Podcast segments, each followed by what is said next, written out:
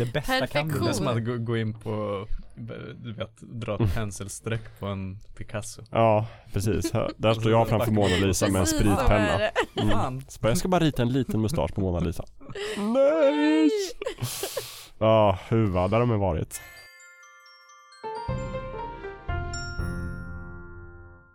Glad Lucia till alla som lyssnar på Fulkultur. Idag är det den 13 december. Mm. Och här kommer en riktig dundertips från mig bakom lucka 13. Det blir en film, en komedi, en romantisk komedi Ja. Mhm. från 1991 Ja. Mm. Oj oj. skriven av Steve Martin. Va? Den banjospelande komikern som blev skådespelare och har skrivit filmer. Ganska härlig. Och idag oerhört gammal. Mm. Eh, har gjort några riktigt bra banjoskivor för övrigt. Men det har han. Bonustips. Mm. Ja, Rare Bird Alert till exempel, klassiker. Men eh, den här filmen heter LA Story och är hans, kan man säga, eh, han har ju gjort en trilogi komedier där runt 90-talet tror jag, som inte alls hänger ihop. Men som har lite liksom andliga connections. Till exempel Steve Martin. Eh, Roxanne till exempel. Och eh, en till som jag inte minns vad den heter. Men också LA Story. Mm. Som handlar om, det är hans kärleksbrev till Los Angeles, där han bor. Och det är också lite grann hans kärleksbrev till Shakespeare. För att den är väldigt liksom löst inspirerad av vissa Shakespeare-pjäser. Och sådär. Det finns väldigt mycket referenser inbäddade. Och sen så är det dessutom en kavalkad av typ 80-tals komiker och skådisar som är med. Som Rick Moranis och Chevy Chase och Steve Martin himself. Alla de här, de som har blivit gubbar nu. Ja, nej, men precis. De som Mm. var liksom De precis gubbar. innan de blev gubbar då. Mm. Eh, Victoria Tennant spelar eh, hans love interest. Mm. Som är lite sådär, det är också lite grann en dekonstruktion av romantisk komedi. För att han, hon blir ju lite hans manic pixie girl liksom. För att han lever ett Mm. väldigt tråkigt liv. Harris K. Telemaker i Los Angeles. Han är väderpresentatör. Men drömmer om någonting mer och sen så kommer hon från London och spelar bastuba.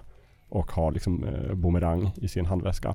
Och det blir lite Oh. sådär att han blir jättekär. Men det är också lite grann att det problematiska i det, att hon vill inte riktigt vara den. Hon är också en riktig person. Tänka sig. Eh, och sen så är det mycket så här. Eh, jag vet inte, vi kanske pratade om den här filmen när vi hade avsnittet om eh, magisk realism. Men det är väldigt mycket magisk realism i den här filmen. Den är också, precis som vi pratade om i Watchmen-tipset, att den är väldigt self-contained. Det är väldigt mycket liksom referenser i början av filmen som sen får sin liksom, den är som en lite sådär, den pekar mot sig själv hela Mm. tiden och sådär. Och eh, det är mycket övernaturligt, eh, roliga situationer, lite slapstick, mycket one-liners, eh, jättebra musik. Eftersom att den är från 91 så är det såklart Enya är med mycket på Oh. soundtracket. Naturligtvis. Det var, var ju tvunget att vara så på den tiden. Ska du göra en film i Hollywood, ja du ska vara med Enya på minst två av låtarna, annars så blir det inget. Säger Hollywood. Hon måste vara så fruktansvärt rik. Alltså Bara förstår du? Jag skulle säga att 90-talet. hon är definitivt den rikaste new age-artisten om vi kan Ja, använda ordet definitivt. new age. Hon skulle själv inte kanske säga att hon är en new age-artist men Ja, definitivt rikast. Men hon har ett eget slott som ligger bredvid Bonus slott på Irland. Har hon? Ja, På riktigt? ja Herregud. det är klart. Ja, det Alla... är klart. Alla har slott. Vem skulle inte Ja. ha slott Och där är hon, hon har aldrig gjort en konsert i hela sitt liv för det behöver hon inte för att hon är med på alla soundtracks till liksom Mm. alla filmer på 90-talet. Skönt att vara och gör liksom skivor. Eh, sidospår då. Min son lyssnar på Enya varje kväll innan han går och lägger sig. För att han vill det. För att han måste det.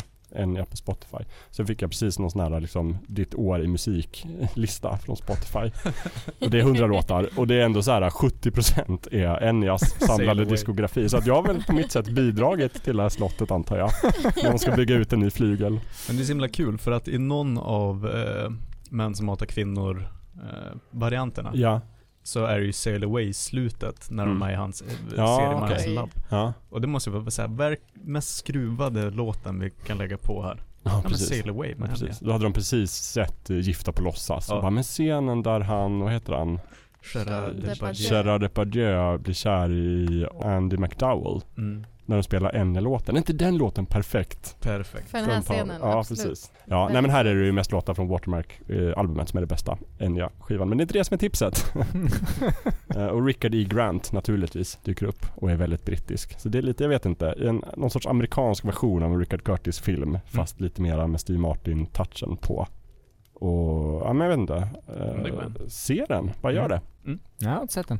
Ska Jag, jag? jag har du inte. Nej, jag Men har Lövet, inte. jag tror du skulle tycka om den faktiskt. Jag tror inte heller jag Säkert. Ja, jag tror ni, att jag, Lövet sitter och är tyst för att han hatar den.